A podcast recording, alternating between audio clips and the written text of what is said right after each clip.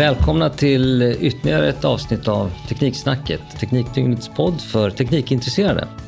Idag så har vi två spännande gäster, Carl-Johan Linnér från Saltex och Erik Jakobsson från Saltex. Välkomna! Tack! Tack! Hur står det till dessa tider? Jo, men det är eh, bra trots rådande omständigheter tycker jag. Det är klart det är en jobbig situation här vi har globalt, men eh, vi på Saltex har jobbat på och eh, tar oss igenom den här krisen helt okej. Okay. Ja, jag tycker det är fantastiskt skönt. Det är sommar, det är varmt, det är ljusgrönt allting och vi har hela varma fina sommaren framför oss. Precis som vi har hela vår business framför oss så, så har vi sommaren framför oss. Ja, nu har vi ju ändå gått igenom kanske den värsta biten, eller vad tror ni? Börjar det öppna, öppna upp för er? Ja, jag tror, jag hoppas ju verkligen att vi är i slutfasen på det hela. Men här får man ju vara väldigt jätteförsiktig och, liksom, och, och blåsa faran över. Och det är ju folkmyndigheterna styr och ställer ju det naturligtvis. Men, men vi jobbar ju fortfarande delvis hemma. Men, men, vi jobbar på kontoret också. Vi iakttar ju alla försiktigheter som vi ska göra. Det känns ju lite som att samhället håller på att öppna upp lite grann. Det tycker jag nog. För er som inte känner till Saltex så är Saltex ett svenskt eh, snillebolag som bygger på energilagring i salt. Man har en metod för att lagra och återanvända salt för lagring av termisk energi. Och det är en patenterad metod. Man har varit känd bland annat för att ha tagit fram en rejäl pilotanläggning i Berlin tillsammans med Vattenfall. Hur jobbar man med den här typen av utvecklingsbolag i coronatider? Det är en stor fråga Mats och du börjar känna oss ganska bra nu här. Du berättar om Berlin och allt möjligt. Det är trevligt. Vi jobbar ju vidare och när det gäller energilager så finns det ju ingen, det finns ju ingen given marknad som, som är bara att vi ska byta ut ett, ett energilager mot ett annat utan vi måste skapa marknaden på något sätt.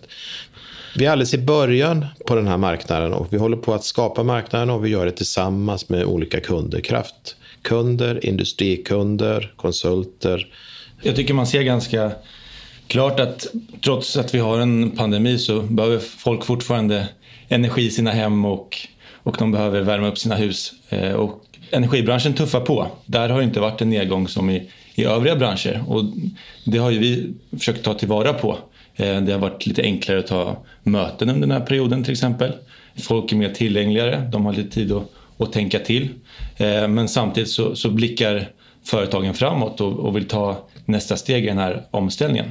På så sätt så har det här varit en positiv period för oss. Ja, absolut. Mm. Men samtidigt så är det ju det, det är mycket videomöten och sådana saker och mindre fysiska möten naturligtvis.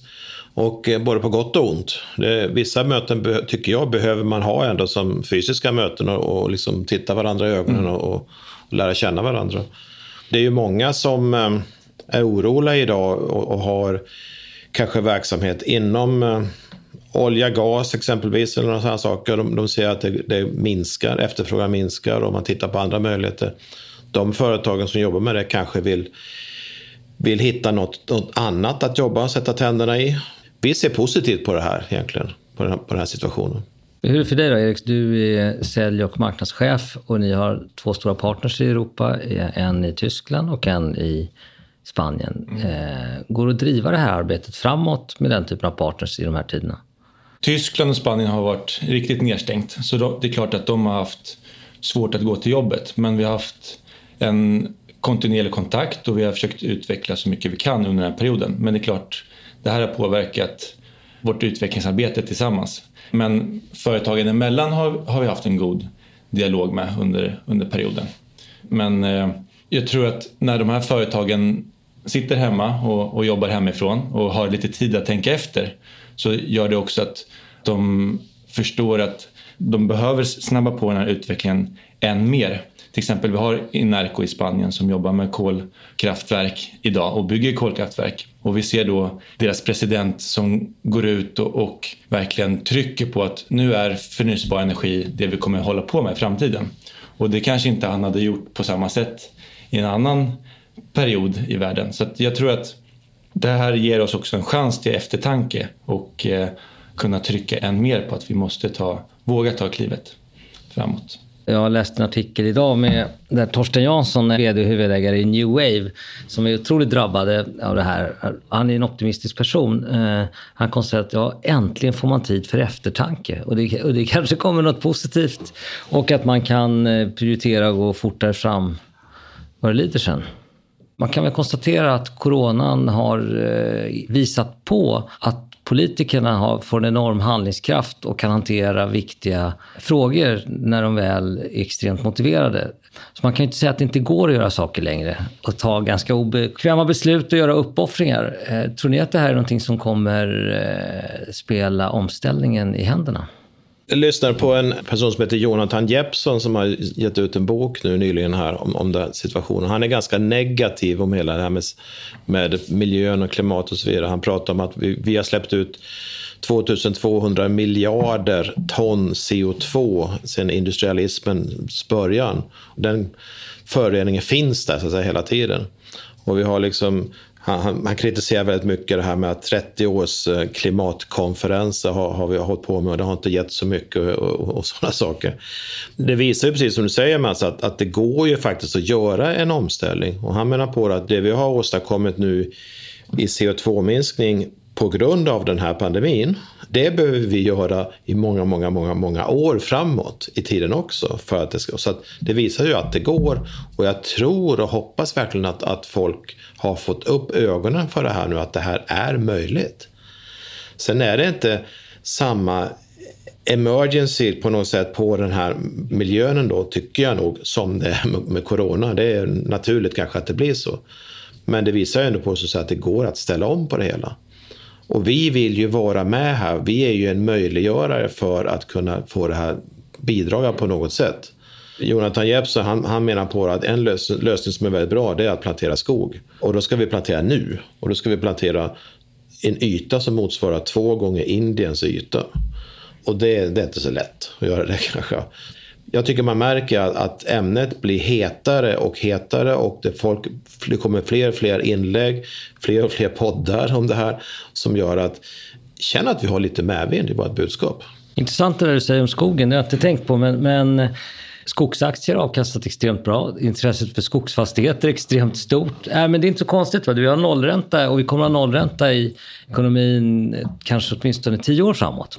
Det är nog ganska, de flesta ganska överens om. Och, och då blir även lågavkastande skog en, attraktiv investering om man vill inte kanske ligga på mer riskfyllda placeringar. Så det var ett intressant inspel tycker jag. Men Erik, du är, du är ju en, eh, lite yngre och i början av din karriär har valt att satsa på energibranschen. Vad känner du i, i de här tiderna? Från första dag jag satte min fot på, på Saltex så har det varit en väldigt spännande och energifylld värld. Det är en bransch i omställning. Jag tror att det finns stora möjligheter och jag ser att det finns stora möjligheter. Men det är också en hel del utmaningar i den här branschen jämfört med många andra branscher. Det går rätt trögt och det är en, en hel del stora jättar som måste ändra riktning. Men med små steg så, så kan vi göra det tillsammans. Och en av de förebilderna som jag har i det här området är John Elkington. Han är väl hållbarhetens gudfader kan man väl säga. Han som kom på triple bottom line. Och han har kommit ut nu ganska nyligen med en ny bok som heter The Green Swan. The Green Swan handlar om att istället för Black Swan så ska vi använda oss av, av Green Swans och det är då när vi kommer till en fas där vi, vi får en exponentiell kurva i utvecklingen och det är då olika moment eller olika teknikutvecklingssteg som kan sätta fart på en hel, hel bransch. Och jag tycker det bubblar lite just nu i den här branschen. Det, man tittar över axeln efter de andra företagen, vad, vad gör de och så vidare. Men när vi kommer till den punkten där vi får några green swans som verkligen lyfter, då tror jag att det här kommer sätta fart på riktigt. Vi har inte riktigt kommit till den nivån ja. ännu i utvecklingen. Vi, vi är på väg dit. Men eh, energibranschen får inte ta för mycket risk för de måste kunna vara tillförlitliga och leverera energi till, till sina kunder. Så att i bolagen är det inbyggt att, att eh, de ska inte ta för mycket risk. Men nu står man inför ett val här där, där man är tvungen att kanske ta lite mer risk än man är van vid. Och jag ser för varje dag som går att bolagen går mot det hållet, men man kanske inte är riktigt där.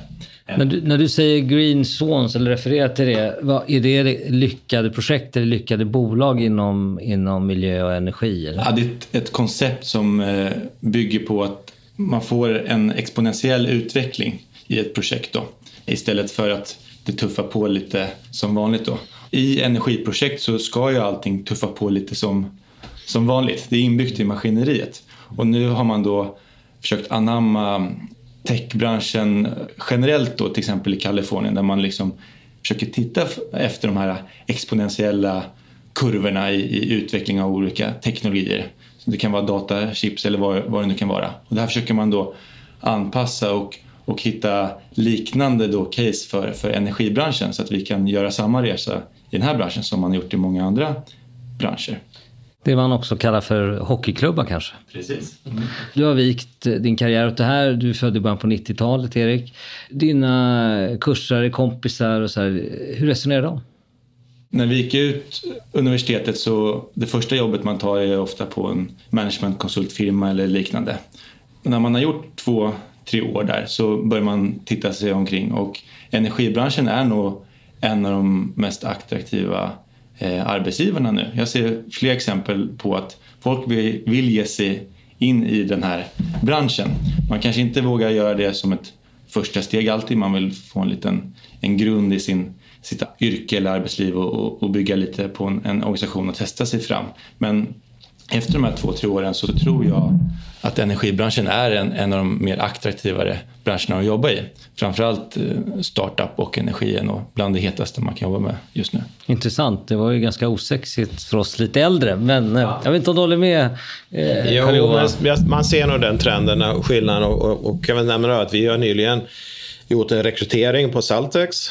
Vi gick ut och skötte den rekryteringen själva på, på sociala medier och så vidare och fick otroligt mycket svar. Den röda tråden kan man säga i de, i de ansökningarna var ju då att väldigt många brann för intresset av miljön. Och eh, nu har vi anställt en kille som började igår hos oss i förrgår och en civilingenjör, kommer från högskolan och har jobbat på Saab Scania tidigare. Vi har ett högt attraktionskraft genom att vi jobbar med rätt saker så att säga. Carl-Johan, du har ju varit högchef på ABB och jobbat i stor organisation i, i många år. Hur är det att leda de här unga i ett startup? det är jätteroligt. Det, det, det, sitter inte fast någonting och är det inte, är det inte jag som jagar dem så är det de som jagar mig på sätt på, på det här. Alltså det, det är en interaktion. Vi är ett lag. Vi spelar tillsammans. Vi har samma målsättning. Och det finns ingen, liksom, ingen politik eller ingen hierarki egentligen i, i, i vårt bolag. Utan vi, vi, vi har samma tröja på oss, vi spelar samma lag. Så det är en annan ledarstil kanske än vad du var van vid? Jag har nog alltid stått för den typen av ledarstil. Men sen kan den kanske ha varit svårt att använda i stora politiska koncerner som, som har många olika viljor. Jag har, har lärt mig otroligt mycket inom den firman som du nämnde, vilket jag har spenderat många, många år och haft, trivs och haft kul där också.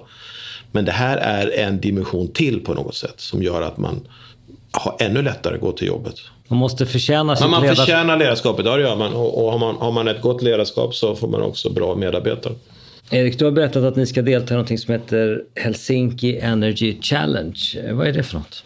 Ja, det är ett initiativ som Helsingfors stad har tagit och de vill bli klimatneutrala och det vill de göra så fort som möjligt. De har satt upp en hel del mål om när och hur det här ska gå till. Men vad som är klart är att de vet inte riktigt hur de ska göra, vilka tekniska applikationer de ska använda. Eh, det är ett myller av olika lösningar men det finns inte någonting som riktigt är en game changer och de letar efter en game changer som kan möjliggöra den här energiövergången. Staden har ett eh, stort utbyggt eh, fjärrvärmenät idag och det bränns en hel del kol och annat för att värma upp den här fjärrvärmenätet men de vill bli av med det, ehm, den kolförbränningen och ersätta det med andra alternativ.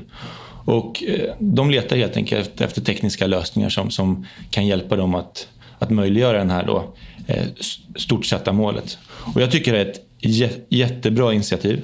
Eh, vi ser många gånger när vi, när vi pratar med andra kunder i andra städer att det finns en motsättning mot att gå helt förnyelsebart. Man implementerar lite solceller och lite, lite vindkraftverk och så vidare men, men man eh, hänger kvar vid, vid kolen och, och gasen. Det är ju en motsättning för om man inte vågar släppa kolen och gasen då kommer man aldrig kunna gå över till helt till förnyelsebar energi. Och om man inte går över till förnyelsebar energi så behövs inte energilaget. Kolen och gasen är ju per definition ett energilager. Det, det kan man ju bränna när man vill. Och om man inte sätter tydliga riktlinjer för vad man vill ha för stad. En helt klimatneutral stad så, så kommer man aldrig kunna gå hela vägen. Då kommer man alltid hänga kvar i de här äldre energikällorna. Jag tycker det är ett jättebra initiativ och det, det här är ju ett led i vår utveckling av att vara med i en, en sån här tävling och vi är ju med i andra tävlingar och andra case också. Men det här, det här var så klart och tydligt eh, bra gjort från, från Helsingfors stad. Så det, det uppskattar vi. Har, har tävlingen startat ännu eller? Den skulle startat nu under våren. På grund av corona så har de förlängt deadlinen till, till höst. Då. Eh, men det här är ju ett, någonting som många bolag kommer söka till, både stora som små och så vidare. Och jag tror att det, det kommer vara flera vinnare i, i den här tävlingen. Ni har ju vunnit tävlingar tidigare, eh, så du ser lite hoppfull ut. ja men absolut.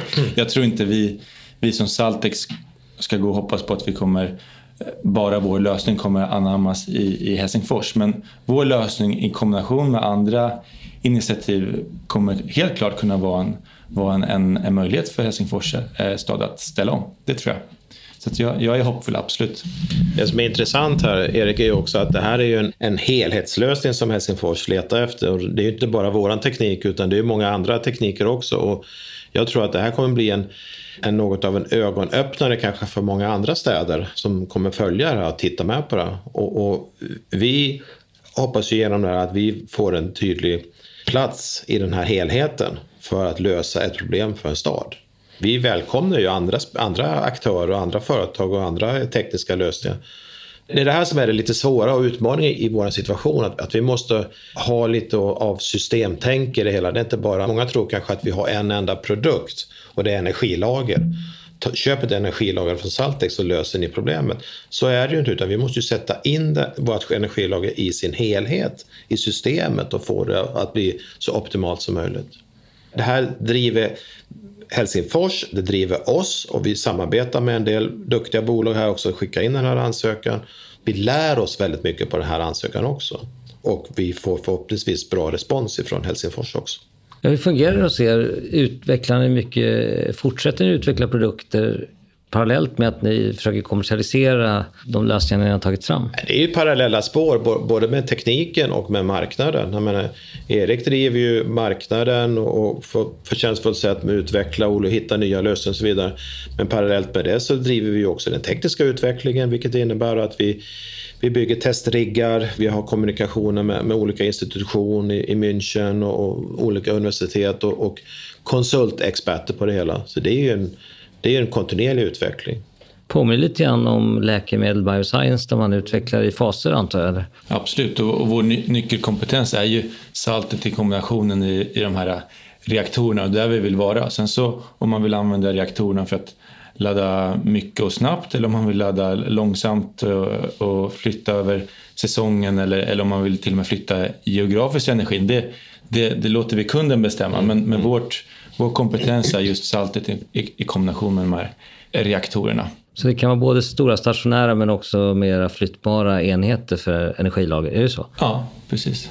Vi vill ju möjliggöra, som Karl-Johan säger, den här energitransaktionen och saltet i kombination med den här reaktorn kan möjliggöra det på många olika sätt. Och då är vi såklart öppna för, för flera olika tekniska slutapplikationer, twister eller hur man nu ska, vad man nu ska kalla det för. Vad ska man ha för tidsperspektiv? Den eviga frågan Mats, tidsperspektivet. Vi vet att det här kommer att ta tid. Vi har jätterespekt för det här men liksom, vi måste bygga pilotanläggningar, vi måste bygga en, en kommersiella anläggningar och så vidare. Och det gör vi ju. Jag menar, vi har ju våran partner i Kina exempelvis som kanske ligger längst fram här och, och, och har, ju, har ju, de har ju faktiskt kommit igång igen efter, efter sin nedstängning på ett bra sätt nu. Vi har kommunikation med dem ganska ofta.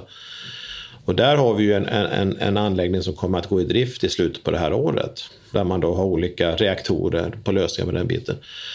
Vi kommer inte att säga något nå datum att då är det här liksom, då skickar vi ut den första fakturan. Vi är fullt medvetna om att vi har inte all tid i världen på oss, det vet vi. Men vi ska också ha respekt för att det här kommer att ta tid. Jag läste en artikel i, i veckan här i Dagens Industri om Volvo. Och Volvo är Volvo Cars som ägs av kineser. Ja. Då hade de en av deras högsta chefer som, som hade varit med hela resan från att ägts av eh, bland annat Ford och, och de har haft ägare tidigare, eh, som sa det att det som var spännande med kineserna tyckte han var att, att de var jävligt snabba till action.